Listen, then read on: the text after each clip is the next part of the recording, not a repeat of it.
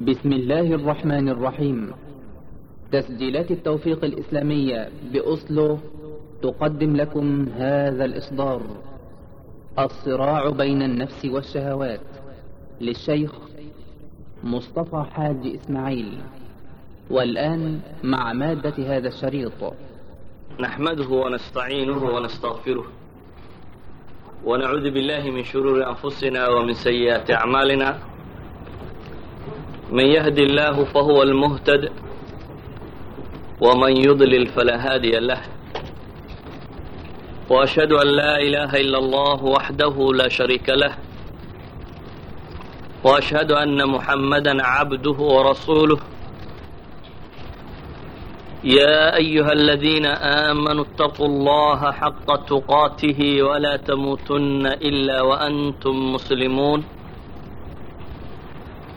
يا أيها الناس اتقوا ربكم الذي خلقكم من نفس واحدة وخلق منها زوجها وبث منهما رجالا كثيرا ونساء واتقوا الله الذي تساءلون به والأرحام إن الله كان عليكم رقيبا يا أيها الذين آمنوا اتقوا الله وقولوا قولا سديدا يصلح لكم أعمالكم ويغفر لكم ذنوبكم ومن يطع الله ورسوله فقد فاز فوزا عظيما أما بعد فإن أصدق الحديث كتاب الله خير الهدي هدي محمد صلى الله عليه وسلم وشر الأمور محدثاتها وكل محدثة بدعة وكل بدعة ضلالة إخوتي في العقيدة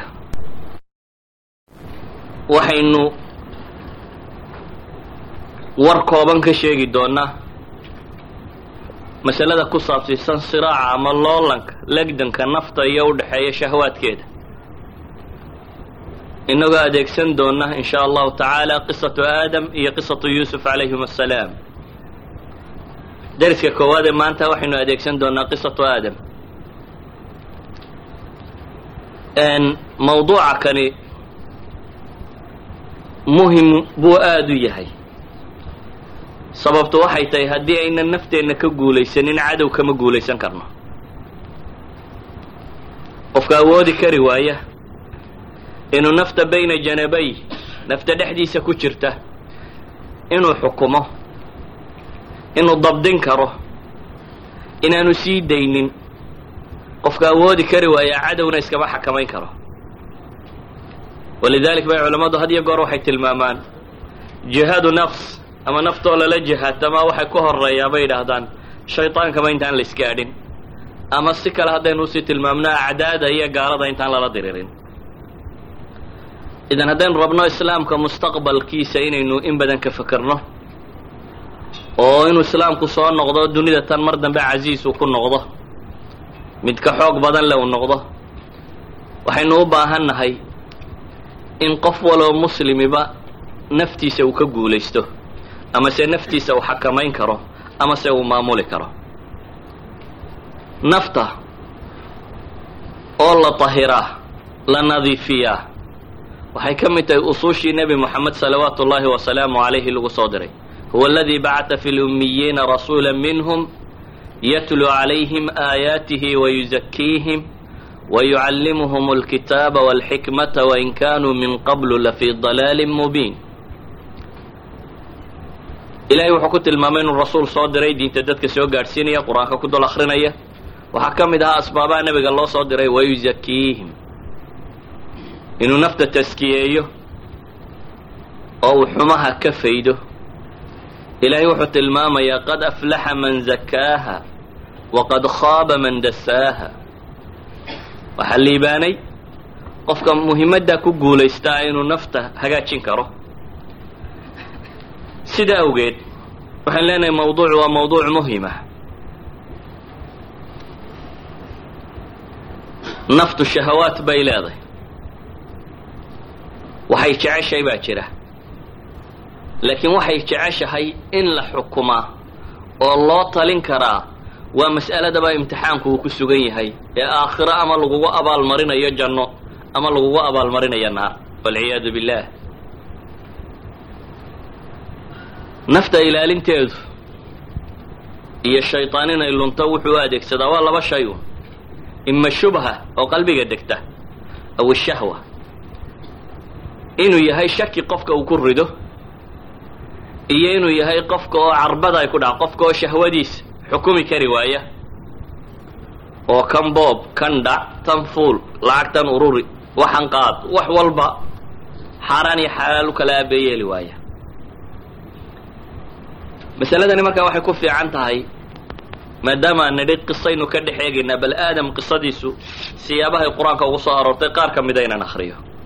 Fii suurati taha ilahay wuxuu leeyay subxaana wa tacaala walaqad cahidnaa ilaa aadama min qablu fanasiya walam najid lahu cazma waid qulnaa lilmalaa'ikati isjuduu liaadama fasajaduu ila ibliisa aba faqulnaa ya aadamu ina hada caduw laka walizawjika falaa yukhrijannakuma min aljannati fatashqى ina laka anlaa tajuuca fiiha walaa tacrى وأنك لا تظمأ فيها ولا تضحى فوسوس إليه الشيطان قال يا آدم هل أدلك على شجرة الخلد هل أدلك على شجرة الخلد وملك لا يبلى فأكلا منها فبدت لهما سوآتهما وطفقا يخصفان عليهما من ورق الجنة وعصى آدم ربه فغوى qisada tan oo qur'aanka meelo kaga soo aroortay. Waxaa ilaahay tilmaamaya subxaana wa tacaala nabiyullaahi aadam in training la siinayey waayo qur'aanku wuxuu sheegayaa maxay? Iclaankii koowaad markii alla bixiyey inuu ku bixiyey in aadam loogu talagalay khaliifa fi lardi inuu noqdo. Waid qaala rabuka lilmalaa'ikati inii jaacilun fi lardi khaliifa. Laakiin intaan dhulka la keenin jannadaa la geeyey jannada waxaa loo geeyey inuu naftiisa garto meelaha ay u jilicsan tahay ee shaydaanku ka soo geli karo. Meelaha shahawaatu nafsigu ay ka dhici karaan. Walidalik baa ilaahay wuxuu ku tilmaamaya subxaanaه wa tacaala walaqad cahidnaa ilaa aadama min qablu fanasiya walam najid lahu cazma. Aadam ballan baan ka qaadnay baa ilaahay leeyahy ballankii waa ilaabay ama waa dhaafay. Walam najid lahu cazma go'aan adag kamaanan helin baa la leeyahy subxaana wa tacaala caziima ulilcazmi min arusul kamuu mid ahayn. Insaanka. Marka wax la rabo inuu barto. Haddii aada ugu sharaxdo theory yacni nadariya sharaxun haddaad ugu sharaxdo asaanu waxa tajribaynin inta badan si fiican uma garto. Matalan haddii mid idinka idinka mida la soo qabto oo la yidhaha waxa la rabaa inaad laaciba kura noqoto. Kubadda saasaa loo cayaaraa saasaa la yidhahdaa saasaa loo laadaa cagta halkaasaa lagaga dhuftaa markay halkaa mariso saasaa la yidhaha madaxa saasaa loogu dhuftaa intaa khabiir ma ku noqonaysa laaciba kura ma noqonaysa. Diinta deris laguu fadhiisiiyo laguu sharxo kubadda sida loo cayaaro. Waa maya. Yacni caqliyan waad fahamte sidan loo laadiyo saan loo ordayo saan wax loo jarayo saan loo dhigayo taagtigeeda iyo cumuuman waad fahamtay. Laakiin nadariye khaliya laguma noqdo maxay? Laacibu kura laabudda min tadriib. Waa inaad heshaa tadriib aada qaadato oo aada tijaabiso. Markaasaad noqon karaysaa maxay? Laacibu kura weliba tadriibkaasi waxaa dhici doonaa inaad maalinba soo fiicnaato maalinta hore aad gafi doonto soo roonaan doonto lagu tababaro kolba gafkaaga lagu sheego. Waxaynu odhan karnaa aadam salawaatu ullaahi wasalaamu calayh ilaahay tadriib buu soo siiyey la berayey naftiisa la berayey cadowgiisa la berayey meelaha uu daciifka u yahay ee hadhow shaydaan iyo nafi ay ka hagi karaan ee uu ka lumi karo. Sidaa awgeed baa ilaahay janno geeyey subxaana wa tacaala jannada markii la geeyey iyadoo la karaameeyey kadib ayuu janno tegey. Ilaahay wuxuu u sheegay ibliis kaasoo maaragtid baa ilahay yidhi cadow buu ku yahay ina hada caduwun laka walizawjika falaa yukhrijannakuma min aljannati fatashqa ibliis adiga iyo haweentaadaba cadow buu idin yahay baa ilahay yidhi. Jannada yuu idinka saari oo fatashqaa aanad adigu markaa dhibaatoonin waayo jannada waxaad ku leedahay baa la yidhi inaanad gaajoon inaanad qaawismin inaanad harraadin iyo inaanad kulayloontoona intaba jannada waad ka helaysa. Ama haddaad iyada ka baxdo intuba way iman doonaan gaajo iyo harraad iyo kulayl iyo wax oo dhan waa la arki doonaa weliba dee adaa mas'uuliyadda qaadayaa la tilmaamayaa aadam haddaad tahy oo fatashqa yaani lama odhan fatashqaa baa la yidhi. Adaa markaa dhibtu ku raaci doonta. Ilaahay wuxuu inoo tilmaamayaa subxaanahu wa tacaala aadan in la yidhi wayaa aadam uskun anta wa zawjuka aljanna fakulaa min xaytu shi'tuma walaa taqrabaa hadihi shajara fatakuna min alظaalimiin fi suurati alacraaf ilaahay wuxuu tilmaamayaa subxaana wa tacaala in aadam la yidhi jannadaa cun waxaad doonto ka cun. Wax kaa mamnuuca jannadaasi inteeda kale ma jirto halkaa geed mooyaane. Wax aada u baahantoo kalena ma jiro. Laakiin naftu hal geed oo aanu garanaynba wuxuu yahay. Ayuunbaa hunguri ka gala janno dhan oo wax kastaaba ku yaalayn baa la yidhi waa fasaxa iyada saa doonta u laakiin faqad geedka kan isaga ha cunin. Geedkii ayuunbaaba la qurux badnaaday la macaanaaday. Waa hal geed. Halkii geedunbuu noqday waxa lagu itixaamay. Hal geedoo kaliya ha cunin. Waxa kaloo dhanna waa kuu fasax ee meeshaad doonto ka gal ilaahay wuxuu leeyahay fawaswasa lahuma ashayطaan ama fawaswasa ilayhi shayطaan fii suurati alacraaf iyo tahsay ugu soo kala aroortay. Waswasadu waa hadalka khafiga. Waa sawd khafiya shayطaan baa war u sheegay baa la leeyayo ku arrinka kan u tilmaamay. Shayطaan arrinka kan markuu aadam u tilmaamayey fitrada bini aadamka ee caadiga ahi xumaha ma aqbasho. Firada caadiga ah. waayo ilaahay baa wuxuu leeyahy maxay? Walaqad khalaqna alinsaana fii axsani taqwiim. Insaanka waxaan u abuuray baa la leeyay subxaana wa tacaala fii axsani taqwiim. Si fiican. Fidradiisa caadigii insaanka xumaha ma yeesho. Walaakiin si uu insaanku xumaha u aqbalo waa in shayga laga duwa xumannimadii oo la qurxiyaa. Waa in dib loo qurxiyaa oo aan loogu muujin qofka caqligiisa inuu wax xun yahay si uu aqbali karo. Ibliis farsamadaas buu khabiir ku ahaa. Inuu waxa wuxuu yahay aan waxaan ahayn uu ku sheego waana shayطaanka ugu weyne dunida iman doonee basharka tuu ugu xariifsan yahay. Bal ee culammadu yidhahdaan dhahdaan magiciisaaba ahaa dajaal waa fitnada ugu weyne laga digo min addajl waxay culammadu yidhahdaan addajl ay atamwiih walkadb waa wixii waxaanu ahayn loo ekaysiiyo dadka la moodsiiyo inuu caynka kan yahay. Walidalik baa xadiidkii saxiixu muslimka ku yaalay ee xudayfa bnu lyamaan uu sheegayay. Wuxuu nebigu ku tilmaamayay dajaalku waa soo bixi doona. Wa ina macahu maa'an wa naara. Biyo iyo dab buu wataa baa ilahay yidhi. Fa ama aladii yaraahu nnaasu maa'an fa naarun taxr kay dadku moodayaan biyuhu. Waa naar wax gubaysaa ilahay yidhi. Wa ama aladii yaraahu nnaasu naaran fa maa'un baaridun cadb idan waxa ku jira maxay? Waxa ku jira qurxin. Waxa ku jira shaygii xumaha dadka lama yidhaahdo maalan wadcigaynu maanta ku nool lahay. Xumaha waxa haala min ammaana baa la saaraa. Waa la qurux badnaysiiyaa waxaa lagu leey isaga discrimination ha samayni.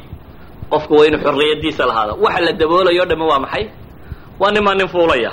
Laakiin fitrada qof waliba waa ogyahay in haddii la yidhaha nin baa nin fuulaya inay wax xun tahay. Bashar aan garanayni ma jiro. Laakiin waa inaan sidiisa loo odhana si kale waa in loo yidhaahda bini aadamku angal kaleo wax ka aqbali karo ama angal kaloo wax laga tusin karo waa in looga sheegaa oo aan looga sheegin angalka markiiba nafta bini aadamku ay ka soo boodayso. Qadiyatu tasyiin iyo qurxin iyo khadaaca. Ibliis khabiir buu ku ahaa. Waayo markii horeba sida qur'aanku inoo tilmaamayo waa kale. Qaala rabbi bima agwaytanii lausayinanna lahum fi lard wuxuu ku dhaartay inuu maxay mas'alatu tasyiin qurxin inuu samayn doono. Oo wala ugwiyannahum ajmaciin ilaa cibaadaka minhum almukhlasiin. Oo dadkoo dhanna inuu lumin doono addoommaha ilaahay uu doortay subxaana wa tacala uu khaaliska ka dhigay mooyaane. Ilahay waa ka tilmaamaya dadka anban doona. Waqayadnaa lahum quranaa'a fazayanuu lahum maa bayna aydiihim wamaa khalfahum. Shayddaamaanu ku dari doonaa baa ilahay yidhi u qurxiya xagga hore iyo xagga dambaba idan insaanku sidiisa caadiga ah xumaha ma aqbalo. Laakiin xumaha waa in sawir kale loo yeelaa aadam ibliis markuu yimi muu ku odhanin waxaan rabaa inaan ku lumiyo. Laakiin wuxuu ka soo galay meel lagu tilmaamo nuqطati dacfi اlbashariya meelaha bini aadamku u jilicsan yahay ayuu kaga bilaabay wuxuu ku yidhi hal adulluka calaa shajarati اlkhuldi wa mulkin laa yabla? Ma ku tusiya geedka waaritaanka. Haddaad cunto waad waaraysaa dhiman maysid. Xub اlbiqaa albaqaa. Waaritaanka insaanku uu jecel inuu waaro oo aanu dhimanin qof wal oo insaano dunida kor jooga maanta intuu jiray way la yartay haddii la yidhahdo in leeg ha lagugu daro waxba kama qabo. Geerida dadku wuu wada necab yahy oo geerida dadku dib uga soo wada jooga aadam wuxuu ka bilaabay markaasi shaydaan inuu ka bilaabo naftu meelaha u jilicsantay ee shahwatu nafsiga ah. Wuxuu yidhi maku tusaa geed haddii la cuno la waaro. Haadii waaxida iyo wa mulki laa yabla. Iyo mulki aan isagu dhammaanaynba labadaasaad isla helaysaa buu leeyahy nimco badan inaad hesho boortooyo maal xoolo wax walba inaad hesho. Iyo inaanad ka dhimanin. Insaanka waxaa ka mida markaasi wuxuu jecel yahay waarista. Inuu waaro insaanku uu jecel yahay. Wuxuu kaloo jecel yahay insaanku. Aljaaha walmaal albruuz inuu muuqdo oo dadka ka dhex muuqdo oo jaah iyo magac iyo boqortooyo iyo waxa kan uu yeesho farta lagu tilmaamo. Waa min fitrati albashariya. Inta ugu badanna kuwaasoo si xun loo adeegsadaa shahwaatu nafsiga oo dhammi inta badan ka yimaada. Kuwaasoo si xun loo adeegsado ayaa waxa ka yimaada waxyaabaha kan shahwaatu nafsiga lagu tilmaamayo intooda tirada badan leh ilaahi subxaanahu wa tacaala wuxuu inaga daweynayaa markaa masalada tan abuna aadam waa la tusiyey oo waxa la yidhi halkaa geedoo qura mamnuuca ha isku taabanin shaydaanna waa qurxiyey oo wuxuu ku qurxiyey inuu u tilmaamo geedkan haddii la cuno labadii waxa uu baahnaaba in la helayo qurxintiisaasi wax kasta uu ku qurxin karo wuu ugu daray wa qaasamahumaa inii lakumaa la min annaasixiin waxa ugu dhaartay inuu yahay kuwa naseexaynaya mid ka mid ah. Keligii waxma naseexaynaya inta wanaagga u wado oo dhan bu isna waa waaxid min hadihi aljamaaca. Dhaarna waa raaciye. Maadaama naftu waxay jecleed ay tahay aadam dhaartii alleba waa ilaabay oo ilahay waa kale walaqad cahidna laamka hore waa laam ilmuwaطa'a lilqasab kii alle waa ilaabay. Laakiin waxaan ibliis uu kuuqinayo tirada badan leh iyo naftoo meesha u jilicsanayda haddii labadaasi isu kaa helaan khatar baad ku jirtaa hadday labadaasi isu kaa gargaarsadaan insaanku khatar buu ku jiraa. Idan insaanka meelaha ugu khatarsanee laga hogaamiyo waa shahwaati nafs oo waxyaabaha naftu ay jeceshahay. Shayaaiinul insiga maanta joogaana waa bahasha iyo jin iyo insiba isku daro waa kuway ku takhasuseen in la qurxiyo. Oo ama sida loo falsafadaynayo loo sharxayo ha noqoto. Ama waxyaabaha xataa scientifically baa laysugu dayayaa in wax badan lagu cilmiyeeyo. In laga dhigo nafta shahawaadkeeda haddii aad dabdido inaad xataa xanuunsanayso o waalanayso. Imka haddaad psychiatrist u tagto waxa koowaad ee ku weydiinaya mataqaanaa yani freud fikraddiisii baa ka dambaysaa taxliili nafsi.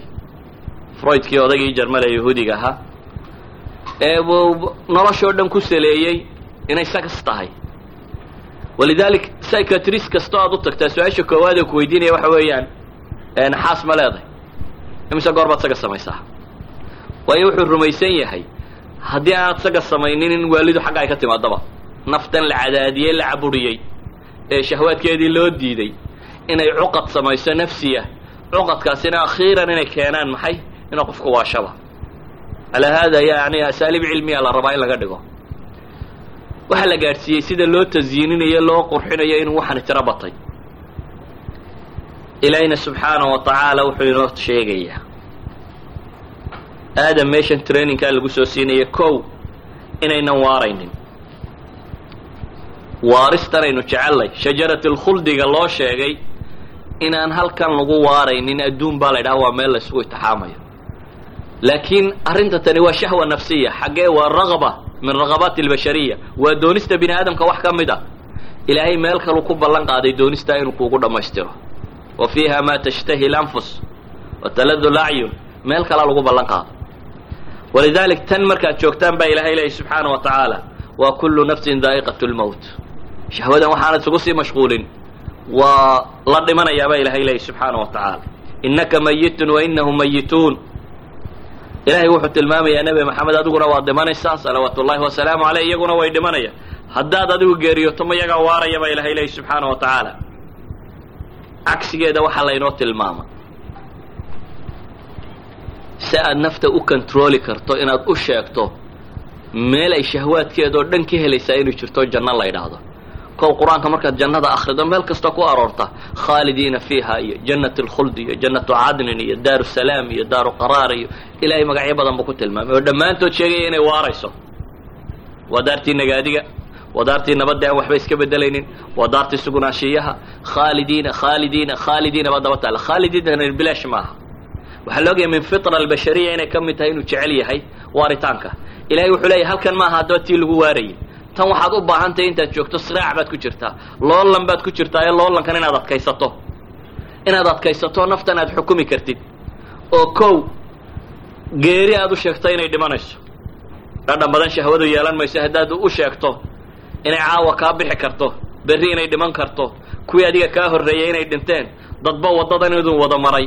Inaanay geeridu kala qonin waa brofessor iyo waa sheekh iyo waa caalim iyo waa midh yar iyo waa midh weyn nin waliba inuu dhimanayo inaad nafta u sheegto meeshay waxaan oo dhan ka helayso inuu yahay maxay? Aakhira inay tahy jannada lagu waaraa inay aakhiro jirto. Culamadu waxay dhahaan insaanku jacaylka uu jecel yahay inuu sii waaro daraaddeed. Waa waxyaabaha keena bay leeyihiin maxay? Xidhiidhkan ragga iyo dumarka ka dhexeeya ee inuu nasl iyo carruur raadiyo. Waa waxyaabaha keena bay leeyihiin xubbi lbiqaagu markuu ogaaday inaanu isagu waaraynin inuu taran ka tago qofku hadduu waxba dhali waayo maxaa la ydhaha waa goblano waa kana maxaa ka goblamay? Yacni waxaa la tilmaamaya kaanamaa jiritaankiisi uu dabar go'ay oo aanu baaqi lahayn. Markaa waxaad rabtaa xataa haddaad adigu dhimanayso inaad ka sii tagto maxay? Wax baaqi noqon karaya. Haddaad adigu dhimanayso inaad ka sii tagto maxay? Magac. Waari may sida war ha kaa hadha bay idhahdeen inaad magac ka sii tagto. Ilaahay wuxuu ina baray. Nasli iyo waxaan oo dhami waa ziinat alxayaati dunya. Inaynu kuwa khayr la raadino waxaa kaloo layna baray. Magacaynu ka teginaana mid khayr qaba un inu noqdo. Wajcal lii lisaana sidqin fi laakhiriin ilaa uu magac fiican yani magacaad ka tegaysaa inaanu magac shar noqon iyo macsiye inuu noqdo maxay? Mid khayru ku jiro iyo wanaagga inaad astaan u noqoto inuu noqdo magaca aad ka tegaysaa xub lbruuz insaanku inuu muuqdo wuu jecel yahay. Laakiin waxaa layna baray wajcalnaa lilmuttaqiina imaama. Imaam oo ahlu taqwa inaad noqon karto inuu kaa noqdo kaad ku dadaalayso waxaa layna baray meesha loolanka u baahani yacni nafta jacaylka loo qabo waa waxa keena xaasidnimada iyo anaaninimada iyo kelinimada iyo waxaan oo dhan waxa keena laakiin waxaa layna baray wax kale inaynu ku tanaafusno inaan noloshan ku tanaafusin. Wa fii dalika falyatanafas ilmutanaafisuun baa ilaha yidhi intuu janno ka warramay alle subxaana wa tacaala leenahay marka shahwaatu nafsigu adduunkan kuma buuxsamaan. Meesha ay ku dhammaystirmaan waa janno. Meesha ilaahay leeyahy wax kastoo aad doonto ayaad helaysaa. Waxaynu u baahannahay waa mulki laa yablaa buu ibliis sheegay boqortooyo aan dhammaanaynin. Ilaahay wuxuu rabaa subxaana wa tacaala inuu inoo tilmaamo tan adduunku inay dhammaanayso. Wadrib lahum mahala alxayaati addunya kamaa in anzalnaahu min alsamaa faاkhtalata bihi nabaatu alard faasbaxa hashiiman tadruhu الriyaax wakaana allahu calaa kuli shayin muqtadira.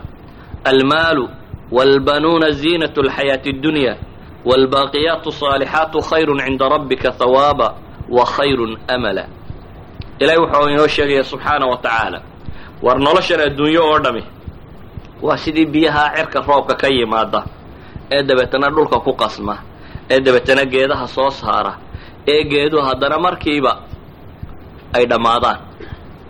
Markiiba ay dhammaadaan oo burburaan oo xashiish dabayshu qaado ay noqdaan. Carruurta iyo maalku dhammaantood baa ilahay leeya subxaana wa tacaala waa dhaldhalaalka adduunyo un laakiin albaaqiyaat asaalixaatu khayrun cinda rabbika hawaaba wa khayrun amala albaaqiyaat asaalixaat subxaana allah iyo alxamdu lilah iyo wanaagyada hadhaya kuwaas baa ilahay agtiisa lagu jecelyay baa la yidhi waxaa ilaahay inoo sheegayaa iclamuu annama alxayaatu اddunyaa lacib walahu wa ziinatun wa tafaakhur waxaa la sheegaya subxaana wa tacaala war waxay ogaataan adduunkan dhammaantiiba marka la ysku daro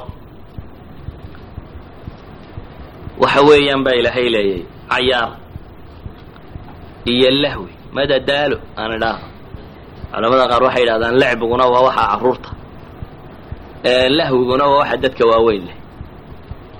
Labada waxay yidhaahdaan lacabkaaba laga yaabaa inuu qasdi ka dambayn karo biological oo qofku inuu koro oo uu u baahan yahay. Laakiin lahwigu waa waxa dadku waktiga iskaga dilaan waa intaa iyo baa la yidhi waxa kale dheeri waa ziino un inay tahay dhaldhalaal inay tahay iyo watafaakhurun baynakum watakathurun fi lamwaali walawlaad كمثل غيث أعجب الكفار نباته ثم يهيج فتراه مصفرا ثم يكون حطاما وفي الآخرة عذاب شديد ومغفرة من الله ورضوان وما الحياة الدنيا إلا متاع الغرور نصوصا قرآن كي وحا shahawaatu nafsiga inaynu xakamayn karno oo keliya marka aynu garanno adduunkan iyo qiimaha uu leeyahy marka aynu garanno in laga tegayo. Marka aynu garanno haddaad ururiso oo aad ka u maal badan noqoto inaad god ka gelayso marka aad garato haddaad dunidoo dhan ka taliso berri in god kuha ku hurran yayun xabaal yana lagugu daboolo. Markaad ogaato waxaan oo dhamay natiijaday leeyihiin waxay noqonaysaa inaad ibliis warkiisa dhegaysanin ah shajarati alkhuldi iyo wa mulki laa yabla. Geedka waaritaanka iyo madaxnimada ama hantida ama maalka ama boqortooyada aan dhammaanaynin inay waxaasi oo dham yihiin wax dhammaanaya. Waxaad garanaysaa inaad barato markaa inaad nafta la tacaashid. Oo aad taskiya u samaysid. Naftu ilaahay qur'aanka wuxuu ku tilmaamayaa mar inay tahay ina nafsa la amaaratun bisu ilaa man raxima rabbi. Inay xumaha dadka farto. Waa marka canaanka waa marka hoggaanka loo sii daayo ee waxay doontaba la yidhahda maxaad u baahantahy naag baad u baahantahy soo caawa. Cunaad u baahan tahay cun. Wax walba marka loo sii daayo. Waa amaara bisuu haddaad saa u dhegaysato. Marna waxaa la yidhi waa lawaama. Lawaama waxay tahay baa la yidhaahdaa marka ay xaq iyo baatilka kala garato ee isku dayda inay xaqa raacdo ee haddii gafafka qaar ka dhacaanna intay dib keento mid canaan badan oo nadamku la saaxiib yahay oo ka toobad keenta xumaha markay gaadho waa nooc min atarbiya markay heshaabay halkan soo gaadhi kartaa xad bay gaadhi kartaa ay noqoto muطma'ina nafsi lmuطma'ina tu xasiloon oo qadarka raalli ku ah oo ilaahay wuxuu u qoro aaminsan oo muطma'in oo ilaahay warkiisa aqbalaysa oo shayطaan iyo warkii aan u dheg taagaynin xadkaana way gaadhi kartaa laakiin masaafo dheer weeyaan intaa dhexdooda. Waa masaafo aada u fog oo u baahan tarbiya tiro badan leh oo u baahan inuu qofku nafta la loolamo. Inuu nafta la loolamo. Sila nebigu salawaatu ullaahi wasalaamu calayh wuxuu tilmaamayaa xadiidku tirmadi warinaya xasanun saxiixa uu ku tilmaamay. Sheekh ilalbaanina wuu sugayo. Ina likulli ummatin fitna wa fitnatu ummati lmaal ummad waliba fitnay leedahay iyo wax lagu itixaamo. Aniga ummaddayda waxyaabaha lagu itixaamay ugu waaweyn waxaa ka mida buu nebigu yidhi xoolo. Walidalik buu saxaabada nebigu salawaatu ullaahi wasalaamu calayh iyagoo baahnaa oo baahidu ay ka ahayd uga muuqata iyadoo saxaabada ay jireen intaasoo saxaabi aan guriba lahayn ee masaajidka dacalkiisa ama xaggiisa dambe iska seexda ahlu sufa masaajidka dacalkiisa dambe iska seexda iyagoo ay ahaayeen dad inta ugu badan leh ay go' qura leedahay. Jaabir ibnu cabdillahi xadiidkii bukhaari atarku warinayay tilmaamayey ee nagama mid ahayn mid laba go' lahaa buu leeyahy yani waa sanaaduuqdan dharka inoo toonsan maaha. Waa in lahaa naguma jirin buu leeyahy waxaanu wada haysanay buu leeyay googoo qura ama hal mar oo keliya. Iyadoo dadka badh ninka iyo gabadha isqabaa aanay wada haysanin mare ay salaada ku wada tukadaan? Ay tahay in midkoodba mar tukado si uu ka kale marada ugu u siiyo inuu cawradoo dhan ku asturo si uu u helo. Iyagoo nolosha noocaasiya soo maray oo guriga nebiga salawaatu ullaahi wasalaamu calayhi aan laba laba bilood dab laga shidin dabba la shidan ayuu haddana wuxuu nebigu lahaa. Ina mima akhaafu calaykum min bacdi. Waxyaabaha ugu weyn ee aan idinka cabsanayo aniga gadaashay waa in ilaahay idiin fura buu nebigu yidhi zahrata ziinataha nolosha dhaldhalaalkeeda iyo macmacaankeeda in la idiin furo ayaa ah waxyaabaha ugu weyn aan idinka cabsanaya buu nebigu leeyay yani wuxuu nebigu u arkay inay nooc min alfitna tahay nooc min alimtixaan inay tahay inay tahay imtixaani hadihi lumma. Ummadda tan shahawaatu nafsiga had iyo goor ku dhibka ahi inuu ka mid yahay maalkan la uruurinayo ee xalaal iyo xaaraan aan loo kala eegaynin ee mujarad jamcintiisu ilahay qur'aanka wuxuu ku tilmaamayaa zuyina linnaasi xubu shahwaat dadka waxa loo qurxiyey baa ilahay yidhi subxaana wa tacaala xubu shahawaat ashahwaat waa masdarun uriida bihi lmafcuulu bi mafcuul baa looga jeedaa ashyaagii la jeclaa ayaa loo qurxiyey waxaa la yidhaahdaa hadday macsi tahay shayطaan baa qurxinaya inta xalaashaana ilahay baa u qurxiyey zuyina linnaasi xubu shahwaat min الnisaء والبنين والقناطير المقنطرة من الذهب والفضة والخيل المسومة والأنعام والحرث. ذلika mataacu اlxayaati اddunya nafta dadka waxa loo qurxiyey baa ilaahay leeyahy subxaana wa tacaala waxyaabaha shahawaadka ah baa loo qurxiyey oo uu ka mid yahay haweenku masalada haweenka iyada qisatu yuusuf baynu kaga hadlay iyo caruurtu iyo baa ilaahay leeyahy subxaana wa tacaala wاlqanaطiir اlmuqanطara min الdahabi wاlfida qinطaarku waa wax wax lagu miisaami jiray ama wax lagu qiimayn jiray lagu qiyaasi jiray laakiin waxaa la tilmaamayaa halka kan oo looga jeeda alamwaali اlmukadasa xoolaha laysdul tuulee la uruurinayo ee min adahabi walfida lama odhanin dahabka iyo fidadin qurxiyey lama odhanin laakiin waxaa la yidhi buurbuurnidooda iyo inaan in kugu filan un aanad ka qaadan aad waddo una tuusho xagga dambe aad ku gurto un taas baa laydin qurxiyey insaan xoona intuu cuni lahaa cabbi lahaa ku hoyan lahaa hadduu helo isma odhanayo iska fadhiiso waad haysataa waxaagii wuxuu jeceliyin inuu ururiyo. Oo ay badato la ydhaha waa bilyaneer oo bilyaneerka bilyaneer kale u ka sii noqdo. Oo haddii dhulka oo dhan aad hesho aad isweydiiso talow dayaxayaa leh walidalik bu nabigu wuxuu lahaa afka bini aadamka ma buuxiyo maxay? Ciidda mooyaane. Insaanku hadduu laba waadi oo dahaba leeyahay baa la yidhi labtagaa haalita mid saddexaad buu daydayi lahaa. Waa nahim waa hunguri badne. Waa hunguri doonaya maalka uma rabo inuu ku intifaacsado. Maalku wuxuu ahaa intaad ku intifaacsanayso sax inaad raadiso. Ummadaada adiga dadka kugu xidhan waxaad ku intifaacsanaysa inaad raadiso. Laakiin shahwatu nafsigu iyadu waxay sheegaysaa inaad biiriso unoo ururiso. Walidaalika baa ilahay wuxuu leeyay walqanaatiiri almuqantarati min aldahabi walfida dahab iyo fida qura maaha waxaa naftu jeceshahaye. Waa alqanaatiiri almuqantara. Maalkaa mukadaska ee la ururiyee la tuulay ee la tiro badiyey inuu noqdo.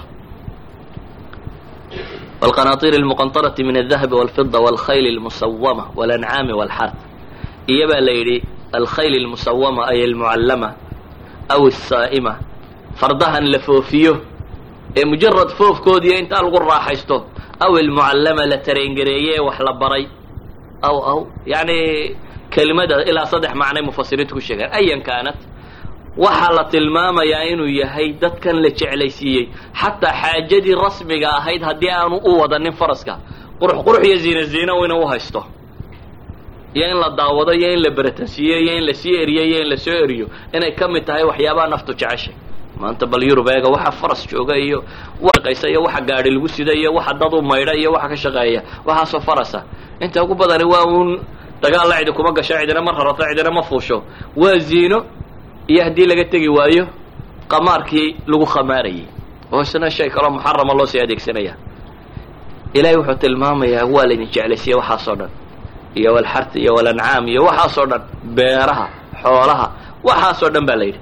Laakiin ilaahay wuxuu ku gebagabeeyey waxaasoo dhan marka la isku daro waa mataaci alxayaati dunya. Waa nolosha adduunyo in yaroo lagu bidhbidhsado laakiin ilaahay agtiisa waxa ah ayaa ka khayr badan. Intan oo dhami waa wax yar marka loo eego alle subxaana wa tacaala agtiisa waxa ah. Idan nafta bini badan bay jeceshahay wax badan baa loo qurxiyey.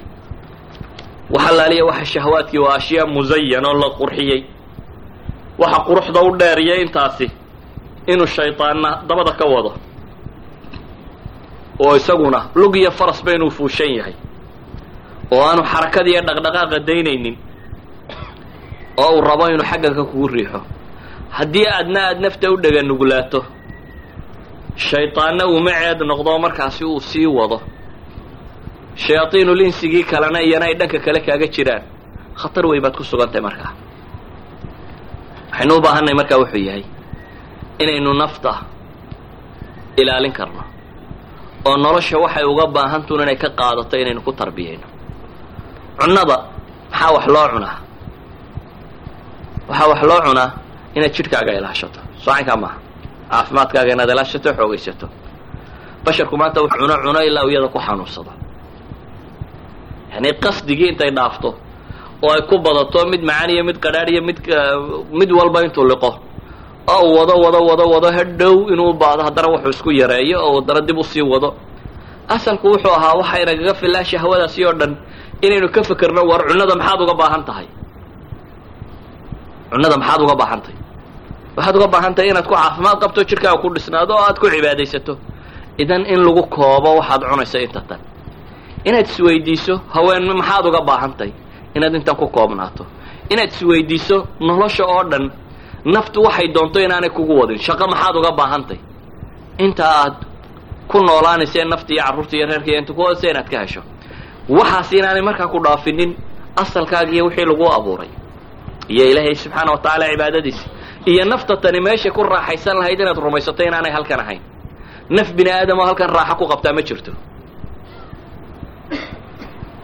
dadka kuwa ugu hanti badan baa ugu maxay? Ayaa ugu dhib badan. Ninka maanta ugu bilyaneersan ee tviyadu waxay soo daayeen iyadoo ilmadu halkaa iyo halka ay ka da'ayso. Sawir. Saaxib microsoft. Dakhligiisa laguma xisaabiyo saacadiya waxaa waa minute mise second income waxaasay sheegaan. Waxay ugu war dambaysay dhowr iyo sagaashanadii isagoo five hundred dollar maraya. Beer minute mise beer second incomekiisu. Daqiiqad kasta lacagta soo gasha maxkamad baa waxoogaa yar ku xukunto waxaa la yidhi shirkaddaa la kala yaro jebinayaa t v-gu soo fadhiistay isagoo oohin afka kala hayo labadaa ay ka da'ayso. Hadda isaga iyo labaatan qarniyoo dambe wuxuu dhali doono. Bale beeshuu la noolyayba waxay dhasho waxa laga yaaba waxay cuni lahaayeen inuu haysto. More than ninety billion buu markaa haystay. Haddana in yaroo la kala jebiyo oohin ay halka kala dareeraysaa. Naftani ma dheregto marka. Dad bilyaneerka ugu dambeeya noqoto waa daali un waxaad ka sii qaaddaa waa daal inta ugu hantida badan leh ayaa ugu hurdo yar oo ugu warwar badan oo maalin walba wadnaha qaybigooda. Marka la ydhaha marka baa degay ama waxba halkan ka yaro khasaarayba brasharkaa ku kaco dhakhaatiirtaa la geeya. Adigu waxaa laga yaabaa inaad leedahay maalkaa qaaruun oo kale maan yeesha sidii kuwii qur'aanku sheegayay ee lahaa ninka kan waa loo nimceeyey waa kan. Maalkaasi dad buu dhib ku hayaa. Maalintu in yar khasaaro maalinta in yar boorsadu isbedesho tv-ga adigu warka intaad ka dhegaysato boorsaduna halkaa dhex carartee la yidhaahdo waxbaa hoos u dhacay waxbaa kor u kacay wax badan adigu ma dareentid. Laakiin dad baa marka la yidhahdo dhowr point bay hoos u dhimatayba wadnaa badhgo-ah yani naftii shahwaatu nafsigii baa la raaco la iska tiro badiyey waxay ahayd inaad garato war nolosha maxaa lagu falaya? Maxaad uga baahan tahay nolosha tan? Waxaad uga baahan tahay markaad xadido nafta inaad u talisid markaa. Idan ma lihin shahwaatu nafsiga kabti ha lagu sameey ama hal la gooyo ma lihin waayo islaamku rahbaan raahibnimo ma qabo iyo nolosha in laga guuro laakiin wuxuu qabaa in la tandiimiyo oo zuhd iyo waracnimo iyo diin lala yimaado oo la garto nolosha tan iyo inay gebagaboobayso oo la garto naftu inaanay kuu talinina inaad adigu u taliso oo aad garato baahidaadu waxay tahay noloshana waxa baahidaadu to inaad ka qaadato inaad saacadahaaga iyo noloshaadoo dhan u bixinin guriga kuraasidiisa inaad beddesho un marka mushaharku kuu kordhaba gaadhigu baad bedelaysa marka lacag badan soo xarayso haddana guriga daahiyada ku xidhan iyo kuraastun baa la bedelaya ma waxaad u nooshay inaad kursi iyo daah ka shaqayso? Adigu isma lihid laakiin xaqiiqadu waa taa. Waayo awariskan tirada badan la aad shaqaysay intani waxay soo kordhiyeenuun in reerka kuraastii hore laga daadiyo daahiyada hore in laga guro iyo wax lamida un bay soo kordhiyeen. Noloshaadu waxay ahayd inay ka qiimo badnaato daah bedelkii iyo kursi raridii iyo kolba sariir sariir ku bedel inay ka qiimo badnaato. Walidalik ayaa dadkii naftooda xakameeyey. Nebiga salawaatu ullaahi wasalaamu calayhi iska seexday oo soo toosay oo ay ku taallo xasiirkii salligii yaraa uu ku sooxday xariijimihiisii ayay waxay yidhaahdeen ilaahay rasuulkiisi aan furaash yar samayno oo aad ku seexato. Oo anigii adduun maxaana kala galay buu ku yidhi nebigu salawaatu ullahi wasalaamu caleyh miyaan anigu ahayba sidii nin geed hadhsaday oo dabeetana dee ka tegayo nin raakibo oo raaxiladiisii intuu geeduun hoos hadhsaday ka dhaqaaqay mooyaane. Miyaan anigu wax kala ahay buu nebigu ku tilmaamayay idan waxay leenahay naftu waxay u baahan tahay in la xakameeyo. Waxay u baahan tahay in caqliga la isticmaalo. Waxay u baahan tahay wax kastoo aad qabanayso inaad su'aal iska weydiiso a maxaan uga baahnay inaanay naftu ku wadin amase bulshada hareerahaaga taagani inaanay kuu noqonin midaad ku dayato un. Oo markaa bulshada hareertaada joogta ama inaan t v-gu ku hagin iyo iclaanaadka ka soo baxa. Oo markaa t v-ga wax cusub ku aragtaba ama iclaan cusub soo baxaba aanay naftu ku odhan adigana kaa waan u baahnay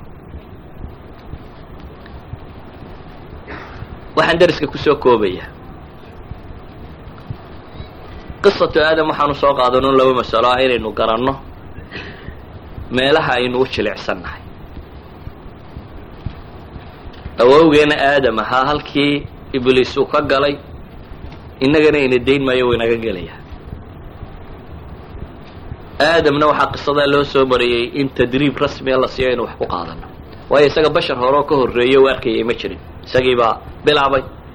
Isagana ilaahay subxaana wa tacaala trainingkaas buu siiyey.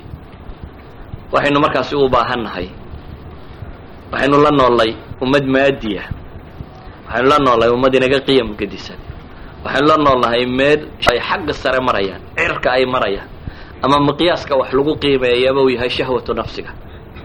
Waxaynu leenahay meel runtii ay aada u badan tahay.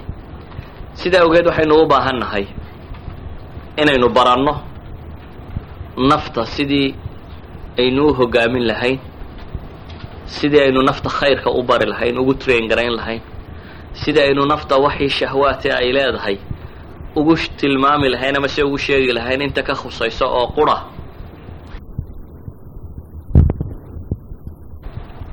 In ay ka isticmaasho. Haddaad taa ku guulaysato yacni wax badan oo diintaadii ka mid a ayaad ku guulaysatay haddaad as'iladaa si fiican uga jawaabi kartid wax badan oo diintaada ka mid a ayaad ku guulaysatay khayru lkalaami maa qalla wadal hadal ku kooban oo waxa la rabana tilmaama ayaa ugu fiican buu nebigu yihi salawaatu ullahi wasalaamu calayh. Waxaan ku soo koobayaa warkaygu wuxuu yahay masalada tan ku saabsanen maanta oo ujeeday inaynu garanno naftu meelaha ay u jecesh u ja jajaban tahay ee laga wadi karaa inay kuwaasi yihiin qur'aanku uu sheegay iyo wixii la halmaala. Iyagana inay wax allaaliya dhibta tirada badan le shahwaatu nafsiga ku xidhan oo dhami inay ka ratibanto haddaad meelaha gufayn karto si fiican aad u gufayso. In nolosha inta kaleo dhanna la xukumay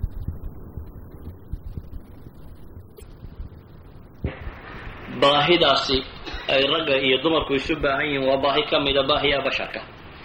Laakiin waa baahiyaha le dawaafic tiro badan oo qofka hore u riixda. Se u baahan in badan dawaabid ama waxyaabo ilaaliyo oo controola oo qofka uu ku badbaadi karo nabigu salawaatu ullahi wasalaamu calayhi axaadiista ka sugan waa ka ku tilmaamayay waxyaabaha ugu daran waliba ummadiisa yani fitanka ugu daran maa taraktu fitnatan ashad cala ummati min fitnati nisa waina fitnatu bani israa'iila kanat fi nisa ayuu nabigu tilmaamayay salawaatu ullahi wasalaamu calayh inuu haweenku yahay fitanka ugu daran ee qofka soo waajaha weliba qisada tan haddaynu no oo runtii inagaga filan mas'alada tan iyo suuradeeda dhammaanteed qisatu yuusuf oo ilaahay subxaana wa tacaala rasuulkiisii iyo nebigiisii ah. Yuusuf suuradda qur'aanka ilaahay kaga warramaya mixan tiro badan baa loo soo bandhigay. Ilahay wuu itixaama. Imtixaanaadkaasi uu ku guulaystay. Waa la itixaamo waxaa lagu itixaamay kalgacalkii aabihii oo ay ka qaadeen walaaladii xaasidnimo oo ay dabeeto god ku rideen. God cidlo ku yaalla baadiye madow oo aan cidina kuugu imanaynin. Waa la itixaamo waxaa lagu itixaamay in inta god laga saaro ikraam ilmathwa uu gaadho haddana oo qoys boqortooyo uu la noolaan karo. Waa la itixaamay haddana waxaa lagu itixaamay jamaalkiisi iyo quruxdii alla siiyey subxaana wa tacaala oo guriga boqoradaba habartii joogtay looga taag waayey. Waa la itixaamay nabiyullaahi yuusuf oo waxyaaba alla subxaana wa tacaala uu ku itixaamay waxaa ka mid ahaa in hadda galo. Waa la itixaamo waxaa lagu itixaamay waxaa ka mid ahaa. Intuu xabsi haddana inuu dadkaba quudkooda iyo xoolkooda iyo maalkooda iyo maamulkoodaba haddana gacanta loo gelaya min alxabs ila almulk inuu haddana ku noqdo.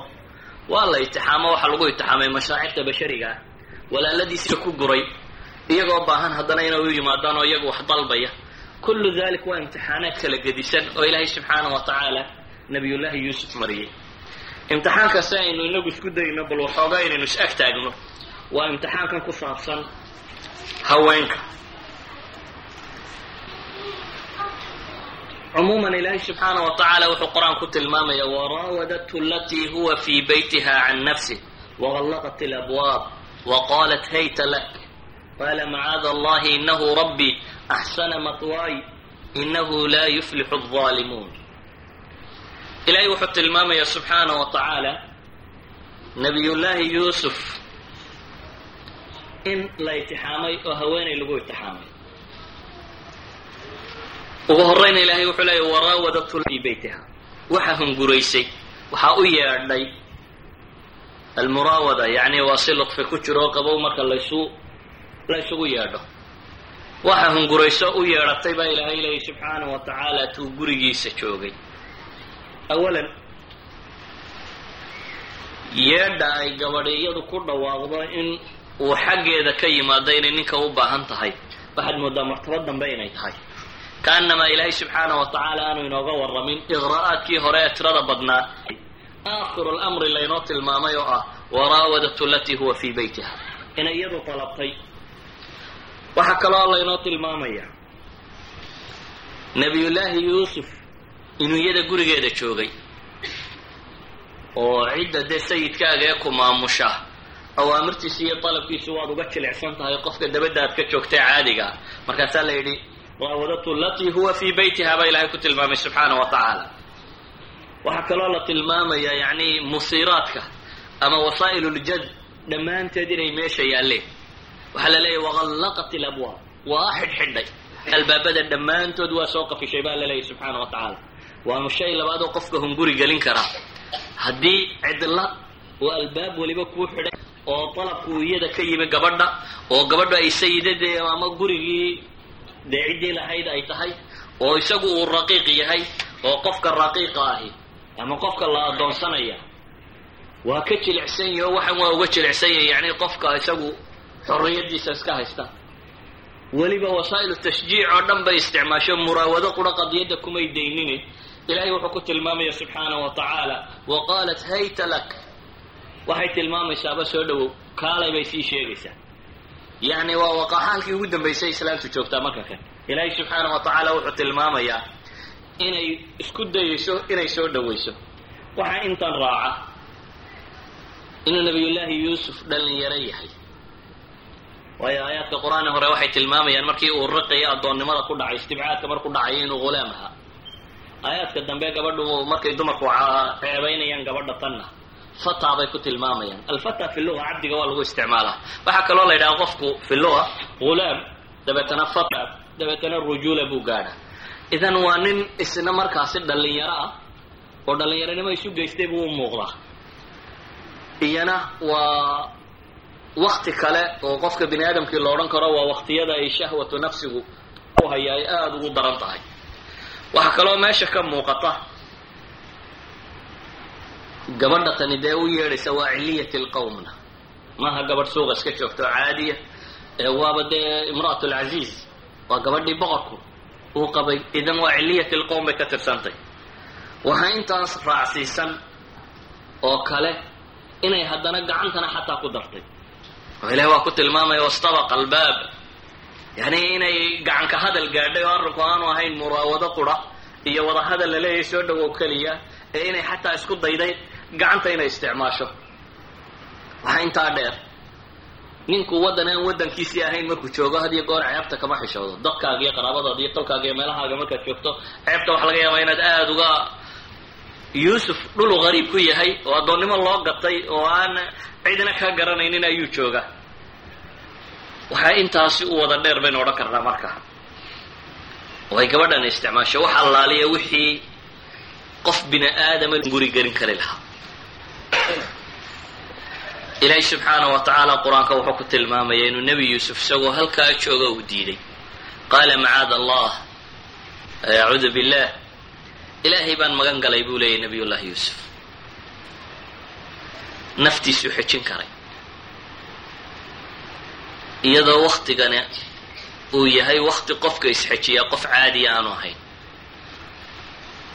Waayo nebigu salawaatu ullahi wasalaamu calayh axaadiistiisa waxaa ku sugan waktiyada ay xadku halkaa gaadho hadduu qofku isxejin karo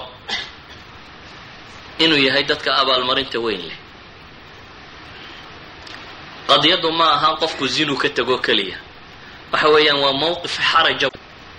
Mawqif mashaacirta iyo cawaatiftu ay ka xoog badato inta badan caqliga. Sidaa awgeed buu nebigu salawaatu ullahi wasalaamu caleyh xadiidkii saxiixa wuxuu ku tilmaamayay toddobadii carshu raxmaan hadhsanayay ama hooska helayay maalinta qiyaamaha ee aan dadku hadh ka haysanin. Toddobadaasi waxaa ka mid ahay oo nebigu salawaatu ullahi wasalaamu caleyh tilmaamayay warajulun dacathu imra'atun datu xusnin wa jamaal wa fi riwaaya datu mansabin wa jamaal nebigu salawaatu ullahi wasalaamu calayhi wuxuu yidhi waxa toddobadaasi ka mid a nimay u yeedhay gabadh qurux dhammaanteed iska leh iyo mansib ciliyati lqowmka ah oo markaa dabaqada sare ee la hungureeyana ka tirsanay. Waayo qofku mawqifka halkaasiyo intuu gaadho inuu nafta xejiyaa waa meel adag. Waa meeshaasi dhaxal siinaysa maalinta qiyaame ee dadku cadceedu wada hoos taagan yihiin ee qof waliba uu dhididayo intii dembigiisu leekaa in ilaahay subxaana wa tacaala uu hooskaasi siinayo. Waa mawqif adag inuu yahay waxaa kuu tilmaamaya xadiidu halaatha saddexdii nin ee nebigu salawaatu ullahi wasalaamu calayhi uu sheegay inay god meel intay jirsadeen god galeen dabeetana dhagax ku soo dulundulcooday afka uu godka ka xidhay saddexda nin midba camalkii khayrka lahaa ee uu ilaahay dartii u sameeyey ayuu alle ku baryay subxaana wa tacaala. Midi biri lwaalidayn buu ku baryey midina shaqaalihiisa oo u samafalay buu alle ku baryey midi labadiisa waalid iyo sidii xadiiska waa macruuf agtiin ayuu ilaahay ku baryay subxaana wa tacaala in dhagaxa ka fujiyo marka kan in baa fuqday. Kii labaad wuxuu alle ku baryey subxaana wa tacaala.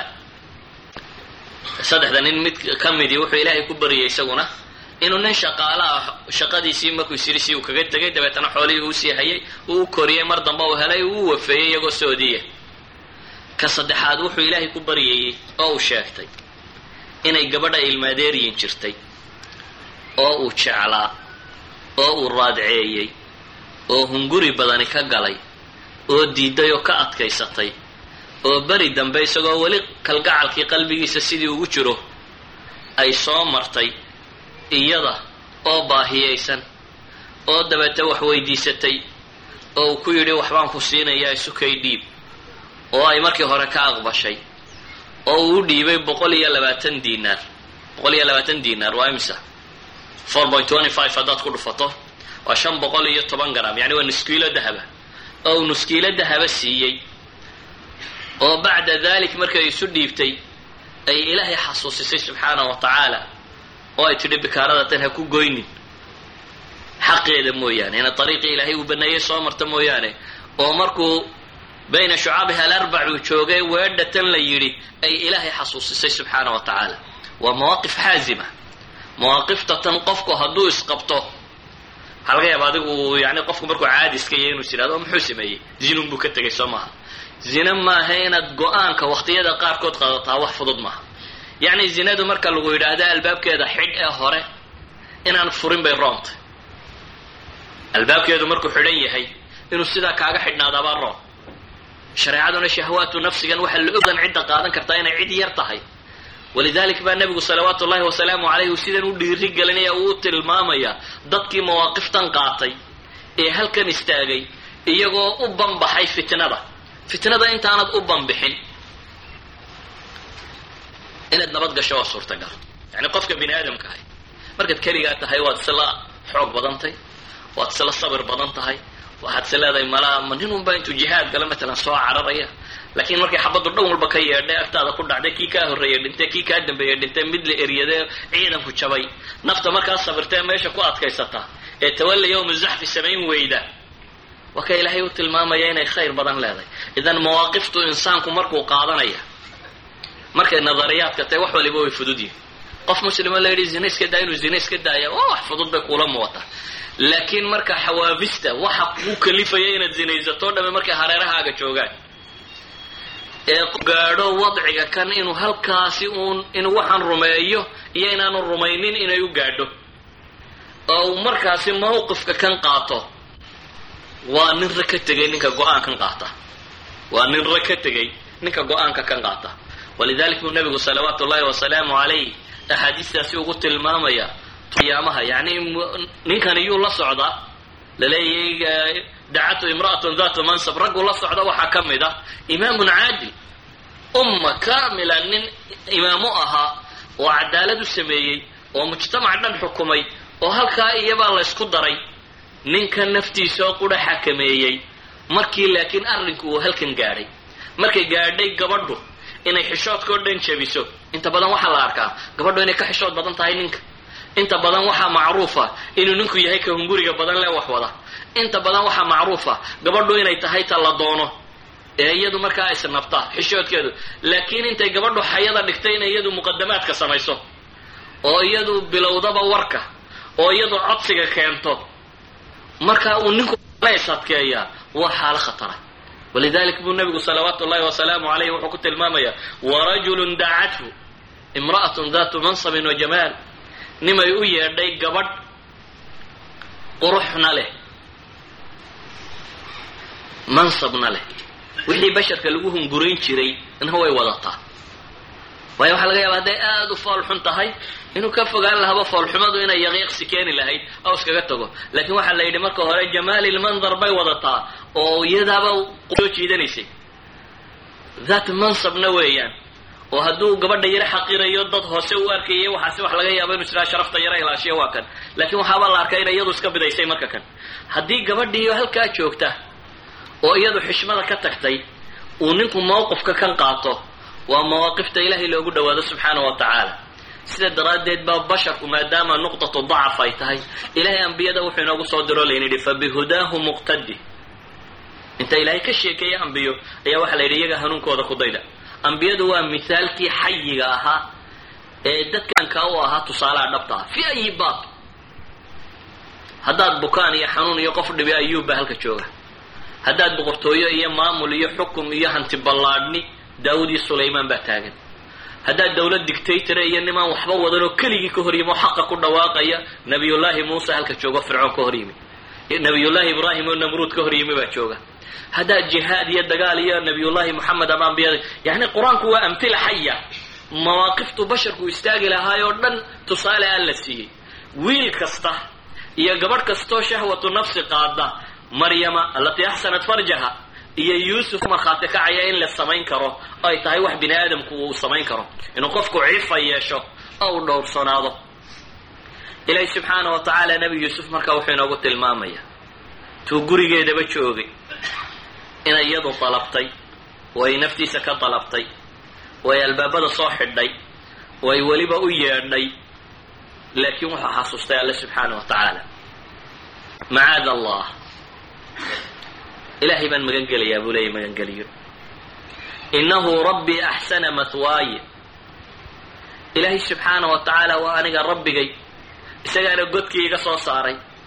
Idan haddii markaan dhibtu ay haysatay ilaahay ii naxariistay wuxuu mudan yahay inaan u mahad celiyo ana marka aan nimacaysnahay ee wanaagga ku jiro inaan ilaahay xasuusto subxaana wa tacaala.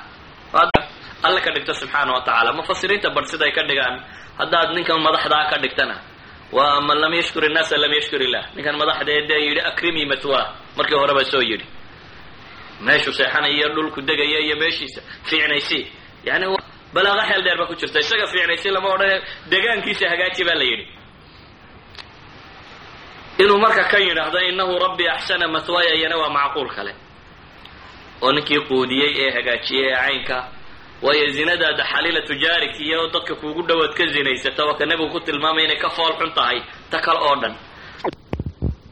Lidalik buu ilaahay subxaana wa tacaala magan galay waxaa kaloo ilaahay sawiraya cawaatiftii bashariga ahayd haddana inay meesha taalay. Walaqad hamat bihi wahama biha lowlaa an ra'aa burhana rabbi. Kadalika linasrifa canhu suu'a walfaxshaa inahu min cibaadina almukhlasiin. Mufasiriintu aqwaal tiro badan bay sheegaan laakiin isku soo ururi gabadha tani hamu ficlin wa qasdin bay waday isaguna hami khaatiro ah oo dhaafay un weeyaan. Burhaankuna waa un shaygaa ilaahay xasuusiyey subxaana wa tacaala ayankaan shaygaa keenay inuu ilaahay xasuusto oo uu dib ugu noqdo alle subxaana wa tacaala. Ilaahay baa wuxuu tilmaamayaa waxaa sidaana loo yeelayay in xumaha laga weeciyo waayo wuxuu ka mid yahay addoomaha mukhlasiinta ah. Ibliisna waa kii hore uu yidhi aynu soo marray isagoo le addoommahao dhan waa duufsanaya. Ilaa cibaadaka almukhlasiin mooyaane. Inta alla uu doortay ee xumaha laga dahiray intaa mooyaane qisada tan ilaahay wuxuu inoogu tilmaamayaa. Inay arrintu dhaaftay war la isweydaarsado oo ay tagtay in la isqasbo. Ka waran nin imra'a daatu mansab wa jamaal intay wax warsatay diiday oo soo gaadhay marka kan inay gacanta ku isticmaasho qasabto. Dabeetana iska celcelinayo oo orod miciin biday oo cararay oo albaabka gaadhay oo albaabkii ay kula kulmeen sayidkii oo alfayaa sayida haalada albaaba islaanta waa islaam weyn oo caqli badan oo waa kan siday u muuqato. Jawaabaheedu waa u sii diyaar. Markay la kulantayba jawaabbay dhiibtay. Ay tilmaamayso waa maxay? Maa jazaau man araada biahlika su'an ila an yusjad. Aw cadaabun aliim. Ninka reerkaaga xumaha la doona maxaa abaalmarinkiisu yahay in la xidho ama la ciqaabo mooyaane. Laakiin nbi nabiyullaahi yuusuf afkalaqaad ba isaga tanina ku too hiya raawadatnii can nafsi difaaciisu noqday iyada ay doontay wax kale oo jawaabo u bixiyey. Ma jirto. Ilaahi subxaana wa tacaala wuxuu qur'aanka u sheegayaa in ilaahay markhaati uu bixiyey nebi yuusuf oo dabeetana markhaatiguu markhaati furay oo qaraa-in uu adeegsaday macquula qariinadaasoo sheegaysa haddii maradiisu ay xaggan hore ka dilaacsan tahayna dee way iska haysaysay oo isagaa wax qasbayay. Hadday maradu dhabarka ka dilaacsan tahayna in ay iyadu soo qabqabsanaysay isaguna uu sii cararayay. Waxaa kaloo meesha ka muuqata dadka ciliyatulqowmka ee asxaabka jaahiliyiinta ee aan diintu qalbiga u deginin hiiradu siday u dhimato. Dabeetana in warka la dambabaso uun oo aan wax weyn laga dhigin oo uu yidhaahdo yuusuf markay qadiyaddu caddaatay acrid can haada. Iskaga jeesoon adigu warkaa waxba hashaacine maga meeshaada iska joog in la yidhaahdo. Oo gabadhana laga dhiga un wax iska fududun ahaayo la ydhaha wastakfirii lidambik innaki kun khaati'iin loo tilmaamo. Oo xataa aanay qisada ka muuqanin hiira inay jirtay ninkani cala alaqal wiilka iyo gabadha inuu kala kaxeeyaa waxaa ka muuqato sida qisada qur'aan ku jirta inay weli gurigiina uu iska joogay meel kale aanu geynin haweeneydatan aan waxba la odhanin waa mujtamacu markuu faasid noqdo. Ciliyatulqoomku dadka kale un in sumcadda laga ilaashadoo laysmaqashiyo mooyaane xumuhu xuma uma muuqdo. Waana jaahiliyaadkii hore waxay isticmaali jireen ilaa jaahiliyaadka hadda jooga. Soo maydan maqle madaxweyneyaal dhan oo fadaaix dumar iyo ceebo iyo beliya baas oo odagii islaantii iska joogaan oo laleeya iska joogdhi jirte wakadalik ayi jaahiliya diinka fogaadku uu ku dhaco waa sida tan un dhaqankooda. Warkeedii markuu faafayna derbiga uu dhaafay ee magaalada uu gaadhay ee la yidhi imra'atu lcaziizi turaawidu fataha qad shaqafaha xuba turaawidu fataha can nafsi qad shaqafaha xuba inaa lanaraaha fi dalaalin mubiin. La yidhi imra'atu lcaziiz wiilkeedii yaraabay raadacaysay waxaa la yidhi shikafulqalbi baabu ka galay. Yani waa xuubka yara wadnaha ku daboolan xuubkuu jeexay xataa yo yani qalbigeeda ayuu degay kalgacal iyo cishka waxay u qabtay. Bay dhahdeen inay mid baadi ku sugan tahay. Markay ogaatay dacaayadii iyo warkii laga sheegay maxay isku difaaceen. Intay dumarka u yeedhay may doodin oo may odhan anigu waxan ma qabo ama sida tani ma jirto ama caynkani ma jirto. Waxay samaysay uun bii-a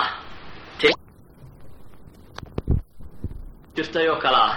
Maada mufsidiin kale ku og tahay bii-adii oo kale hadday hagaajiso u sallaxdo waxay og tahay inay nafsu shay iyana qaadanaysaa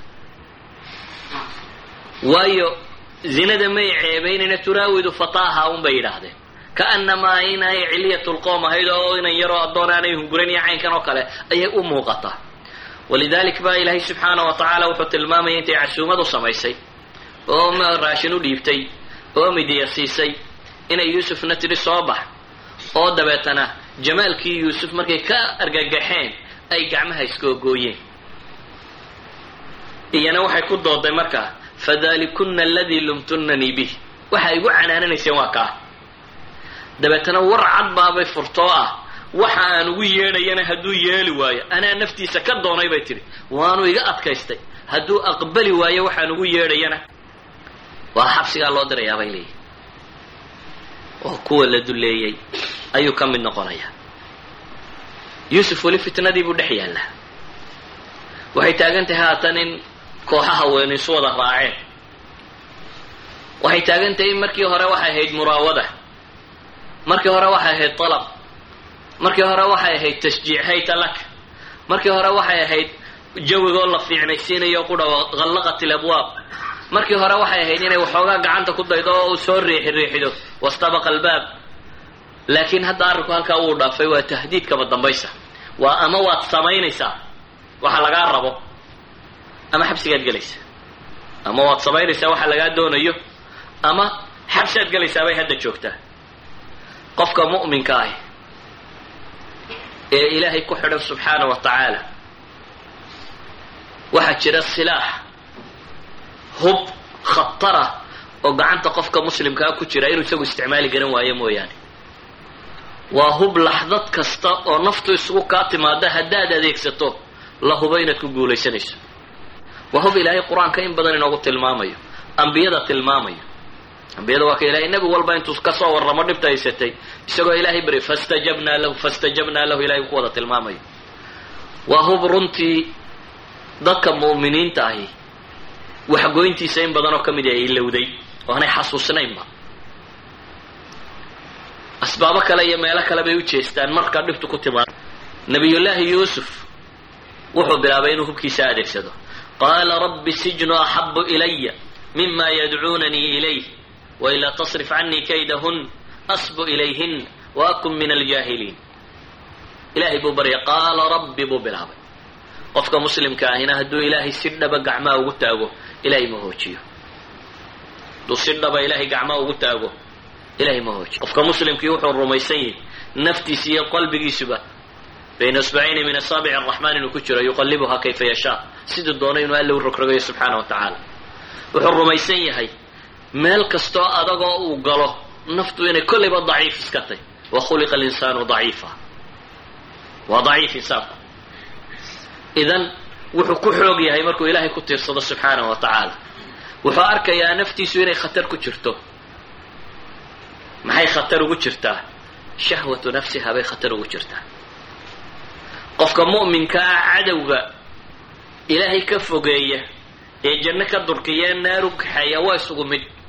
Walow kaanat nafsuhu alatii bayna bayhana ha ahaatee waa isugu mid. Isku si buu ilaahay uga magan galaa cadowga khaarijiga ah ee gaal leh ee shaytaan leh. Iyo markay naftiisuba ay noqoto tuu ka cabsanayo. Wuxuu ilaahay ka baryayaa subxaana wa tacaala. Zinadu wax fudud maaha. Innaga waxa weeyaan acmaashii waaweynayd ee kabaa'irta uu nebigu ku tilmaamay almuubiqaat kuwa waxalaaga. Ayaa say maskaxdeenna ugu soo noqnoqonaysay ugu soo noqnoqonaysay agteenna loogu samaynayay suuraddeeda aynu arkaynay ayaa waxay nala tahayba koob shaaho la cabay wax weynba maaha laakiin nabiyullaahi yuusuf xabsigu waxba lama aha marka. Xabsigu waxba lama aha. Lidalik wuxuu isticdaamsanayaa la weyn inuu zino ku dhaco.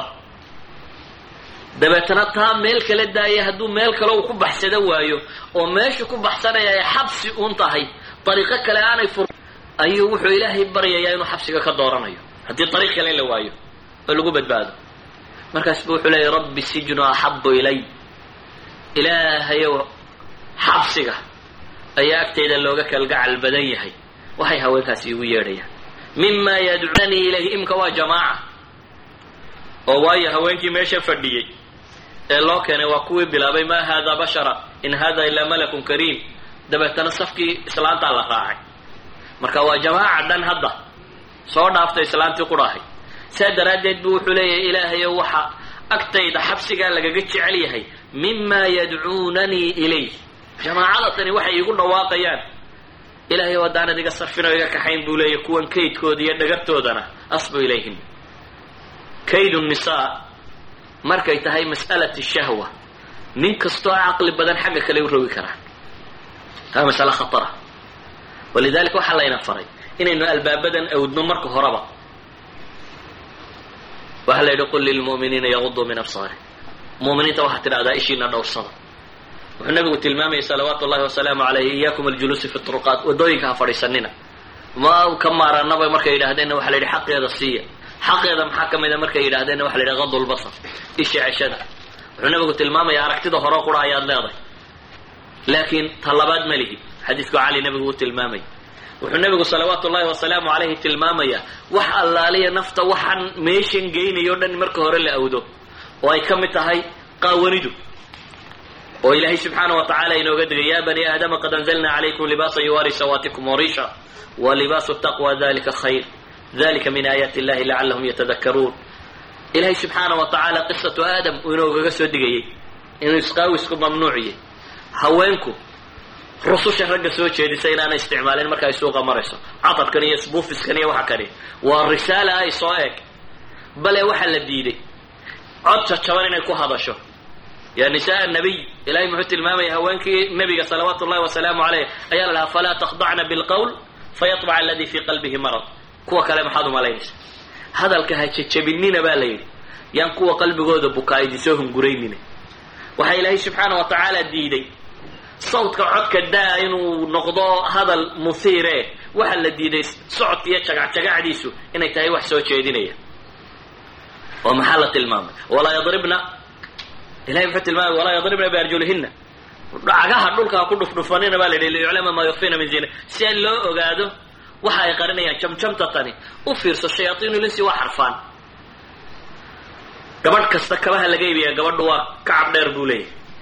Cidhib dheer maxaa dumarka kaba isku siman loo siin waayo waxaa loo siin waayo waa falsafatu tamaayul. Waxaa la rabaa inay dheeldheelido dheeldheeligeedaa wax badan tilmaamaya. Kaba dumar dhammaantood waa qaraafiic habar yare hadday dhinacaaga maraysa waad garanaysaa. Dhag dhag dhag dhagtaad maqlaysaa nin hadduu dhinacaaga maraya garan maysa sababtu waa maxay?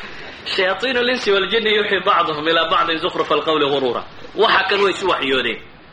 Waa falsafa ah inaan gabadhu marna jidhkeedu sinmin oo hadday ka gaaban oo dhulka leeg ay qaadato sidii bashar caadi ahabay u socon lahayd oo degan laakiin marka kab dheer loo xidho waa inay dheeldheelidaa kab kastoo dumar uu sitaa hoostay qaraafiic ka tay. Kabaa raggu ma sanqadhaan kab seeta hadday gabadha agtaada qudhub qudhubteeda. Ama buur ha seeto ama waxay doonta ha seeto. Waa kab sanqadhaysa un kabta dhawaqeeda iyo garaacisteeda ayaad maqlaysaa. Waxaa ka muuqata haddii la rabo inaan waxaan lagu dhicin. Waxaa muhima in marka hore la awda albaabkeeda oo dhan dhaafase. Oo environmentka noocaasi aada soo dhex gasho nin ra ka tegay unbaa sugnaada markaa nin ra ka tegay ayuunbaa sugnaada. Walidalik buu nebi yuusuf ilaahay baryaya subxaana wa tacaala inuu xabsigu ka roon yahay kuwa kani meesha ay ugu yeedhayaan ilahay baa wuxuu leeyay subxaana wa tacaala faاstajaaba lahu rabuh fasarafa canhu kaydahun inahu huwa samiic ilaahay subxaana wa tacaala ducadiisii uu ka aqbalay kaydkii dumarkanna waa ka kaxeeyey waxaan leenahay naftu bini aadamka ahi waa baahi ay qabto waxa kani ilahay wuxuu ugu talagalay subxaana wa tacaala suu nasligu u joogo inuu baahidan qofku yeesho. Waxaa loogu talagalay baahida tani si sharciya inuu qofku u sameeyo oo uu arrinka kan u samayn karo. Walidalik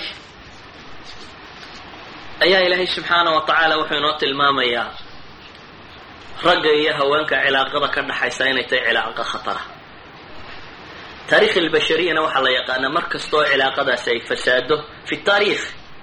Waa mar kastoo basharku uu ila alxadiid qabto xagga dhulka hoose u qabto. Sidaa awgeed ayuu nebigu salawaatu ullaahi wasalaamu calayh wuxuu ina barayaa inaynu meesha tan zinadan iyo waxaan ku saabsan oo dhan inaynu albaabkooda awdno.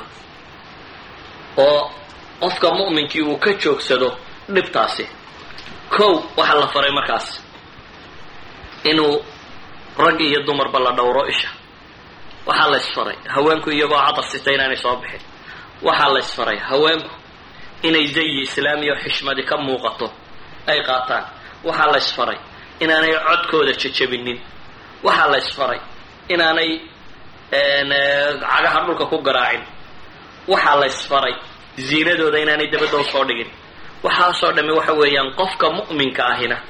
Inuu waxaan oo dhan ka fogaado weeyaan basharku dadatan aad buu daciif ugu yahay walidalik ba xataa kuwan dhaqaalaha ka feker kuwan dhaqaalaha ka fekeraya insaanka markii la daraaseeyey ee la ogaaday inuu meesha tan aada ugu jilicsan yahay ayaa waxaa laga dhigay inuu noqdo suwarka musiirka ahi iclaanan likulli shay. Iclaanaadka ma eg. Xayaysiis aan gabadh tafaxaydani ku jirin ma jiro. Haddii la xayaysiinayo horta tuqaawan baa soo boodaysaa marka taarita kadib aad arkaysaa taayir gaadhi oo laga warramayo taayir iyo gabadh maxaa iskaga xidhan. Yani waxay haddii taayir la xayaysiinaya in laga warramo adaygiisa iyo suu neefta uxejiyey iyo soo kano oo macno taayir la xayaysiiyo. Laakiin iyadoo taayir la xayaysiiya gabadh qaawan la keenaya. Markuu qofku intibaahiisu ninku markuu soo jeestay xoog loo eego ayaa taayir ordaya ama gaadhi xiimaya soo baxaya dabeetana. Waayo nafta bini aadamka markay daraaseeyeen waxaa la ogaaday sida loogu jajabay. Ma jirto sheekadan tidhaahda ma jiro nadra bari'a iyo ikhtilaaq bari'a iyo waxaasi ma jiraan xataa ma waxay yidhahdaan gharaistu shabaca ma gaadhaba. Dheregi ma jirta bay yidhahdaan ee shuduud iyo inxiraafkuma ku sii bata waxay yidhahdeen zinadan iyo kala celintan dadka la kala celinayaababa dhibta keentay. Haddii la isku soo dayn lahaa wax waliba iska caadi bay noqon lahayn waa la isku soo daayey. Waxaa la yidhi weliba yaan cuqdad laga qaadin. Oo dhigo ilmaha yari markuu iskuulka galo dugsiga hoosiyo meelahan ba yurub la ysugu dhigaa iyagu waxay yidhahdaan ilmuhu siduu uurka u galo iyo siduu u dhashay iyo waxaasaa la baraya. Laakiin waa sheeka ee zinadunbaa la rabaa in la baro. Waayo waxay ka dhaadhiciyeen freud iyo falaasafadoodii inuu yahay caqliga bini aadamku xanuunna inay ku dhacaan gebigiisaba waalida keena. Haddii rag iyo dumarka la kala celiyo. Hadihi hiya falsafa yani haabita oo culumtan ay inoogu sheegayaan psychology cilmi nafsiga ay sheegayaan alcilmi nafsi taxliili weliba waxay yidhaahdaan wuxuu ku salaysan yahay fikrad ka dambaysa inta badan ah xuriyad in laga dhigo sagaska ama jinsiga shay mushaaca way ka dhigeen. Waxay idhahdeen in wuxuu markii laga dhigay u sii baxay ila alinxiraafi washuduud ilaa iyo uu noqday wixii la arkaba in la fuulo. Dad iyo dabeer iyo xoolo iyo wax walba inay fuulaan. Waa markii inxiraafkooda waxay ahayd dee haddii rag iyo dumarka laysku sii daayay waxaana inuu noqdo maxay? Wax caadiya laakiin waxay leeyihiin markii laysku sii daayay ka sii darta waxay noqotay wax maxay tasawuraadka basharkaba ka baxsan waxaan leenahay shahwatu nafs waa masale cilaaj u baahan ilaahi subxaana wa tacaala cilaajkeedana wuxuu ku tilmaamay inuu yahay ixsaan inuu yahay qofka muslimkii inuu guursado inaan hantidu celinin dadka guurkooda wa ankixu layaama minkum asaalixiina ilahay wuxuu leeyahy u guuriya kuwii aan guur lahayn. Iyo dadka waa wanaagsan iyo addoomihiina iyo rag iyo dumarba addooma ah. In yakunu hadday fuqara yihiin ilahay baa yani cunsurulmaal yuu noqonin wax guurkays hortaaga baa la leeyahy awalu shay markaa waxayn leenahay waxaan waxa fudaydiya ee koowaade qofka muslimkaa celiya waa guur. Saa daraaddeed buu nabigu salawaatu ullahi wasalaamu alayhi wuxuu tilmaamaya ya macshar shabaab war dhallinyarooy ninkii guursan kara guursa buu nabigu yidhi. Man istataaca minkum albaa falyatazawaj ninkii guursan kara ha guursada buu nabigu yihi salawaatu ullahi wasalaamu alayh xalka uu leeyahay ugu fiicani waa kaa qofka muslimka ahi inuu guursado. Xalka labaadee uu leeyahay waxa weeyaan cibaado iyo alla ku xidhnaan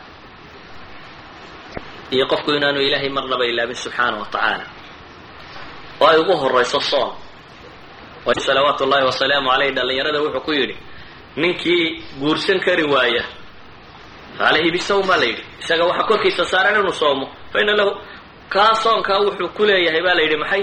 Dhufaannimo wujaa. Soonkaas baa ilaalinaye ha sooma baa la tilmaama waxaynu leenahay cibaada uu ka mid yahay zuhdigu. Uu ka mid yahay baan leenahay khushuunat lcaysh. Hadday naftu aad aragtay inay qooqday gaajadu way qooq jabisaa nafta. In soon iyo cibaado habeenkiina la taago maalintiina la soomiyaa waxay noqonaysaa inuu hunguriga kan ilaabo oo u dhigo. Laakiin haddii la dhergiyo oo markay u baahato la cunsiiyo oo marka aanay u baahanna dadka kale lagu daydo la sii cuno oo caloosha sii buux dhaafto oo hareerahana bii-ada faasidkaa lagu sii noolaado. Oo t v-ga markaad furto tii qaawanayd ka soo boodo oo albaabka markaad ka baxdo tii qaawanayd taagan tahay. Oo shaqada taad ugu tagtaa ay tu kaloo qaawan tahay. Oo waxa laga hadlayo dham uu noqdo waxa kan. Inaad dhowrsanaato haddana.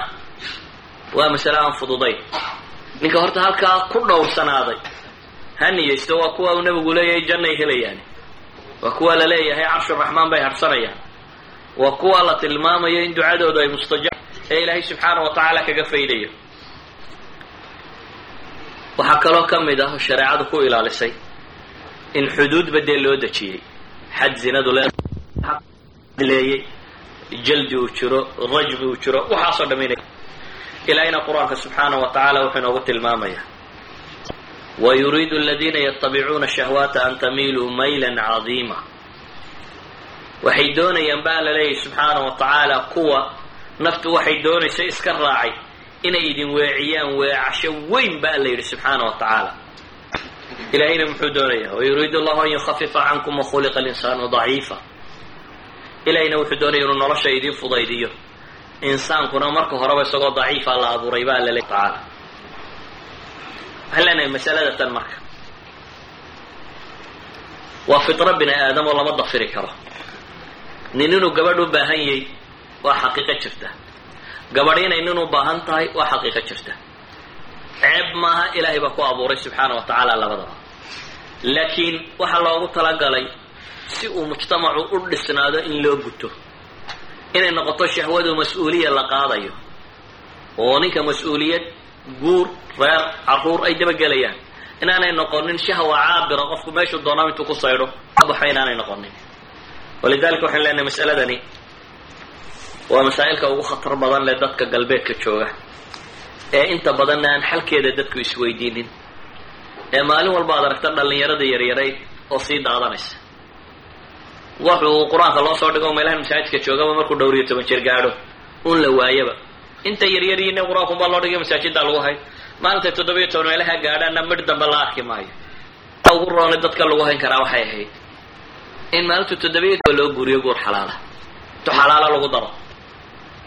Inantu markay soo qaangaadhaba tu xalaala lagu daro. Intay dadkan ay fasaadka la samayn lahayen tu xalaala lagu daro. In loo tarbiyeeyo dadka kani inay nafta xejin karaan. Laakiin mas'alo sida dadku moodayaan inay isaga fududahay oo isaga dhowrsanaan kara maaha. Weliba marka la joogo bii-ada faasidka ah. Yacni bii-a muslima markaad joogto oo macaasidani ku yar tahay oo dadku iska xijaabaya ama calalaqal xishoonayo. Calalaqal uu yahay dad xishoodkii weli uu ku dambeeyo. Oo rag iyo dumar la isku sii dhexdaayo ama isa saloolanaya aanay jirin. Oo madrasada ama iskuulka yara u tago aan waxaan loogaga sheekaynayn ama lagu akrinaynin waa laga yaaba qofku naftiisa inuu xoogaa ilaalin karayo. Laakiin marka bii-adan faasidka u sii ee dugsigii loogu dhigayo ee t v-gii uu ka daawanayo ee shaqadii uu ka arkayo ee way noqon baayac mushtareeyo oo jaraa-idka ugu tirada badan leh t v badan leh aflaamta ugu tirada badan leh dhammaantood ay qurunkan un ka warramayaan. Oo qofkii ay adadkaataba inuu meelu kaga baxa u helo. Waxa qura u kaga bixi karaa waxa weeyaan in qofka loo guuriyo. Axsan ariiqa waa qof kasta oo muslima oo guursan kara inuu guursado. Inaan waxba dib u dhigin. Qof kasta oo muslima oo guursan karaya inuu guursado. Waalidku inay fudaydiyaan oo ay ka daayaan brotocolkan tirada badan le iyo hantida tan iyo waxaan oo dhan in laga fudaydiyo. Waa ilmahaagu inuu kuu dhowrsanaado hadduu inan yahay iyo hadduu inan yahayba ayaa adiga khayrka kuugu jira. Inuu kuu dhowrsanaado oo aanu kaa saaqitin ama aanu kaa lumin ayaa khayrka kuugu jira saa daraaddeed in la fudaydiya wax badan oo brotocolaadka tirada badan le laga daayo oo uu noqdo dadku ilaahay kelmadiisa inay isku banaystaan dabeetana ay xalaal isoo ahaadaan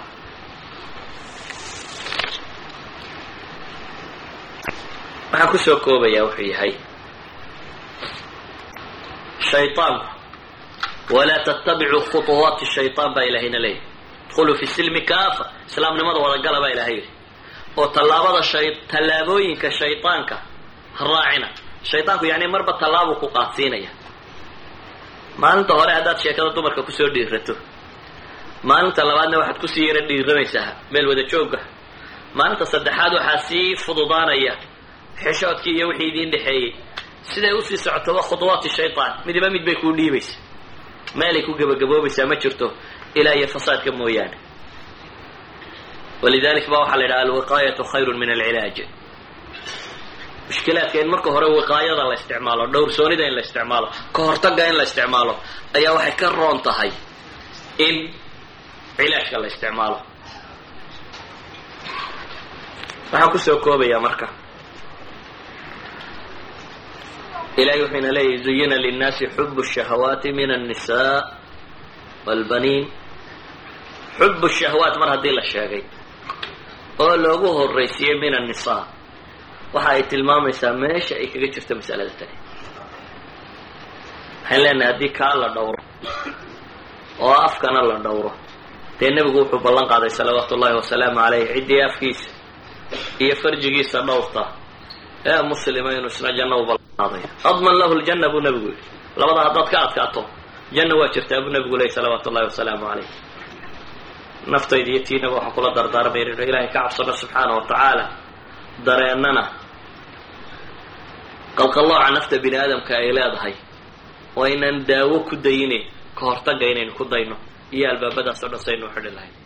مع تحيات تسجيلات التوثيق الإسلامية بأوسلو والسلام عليكم ورحمة الله وبركاته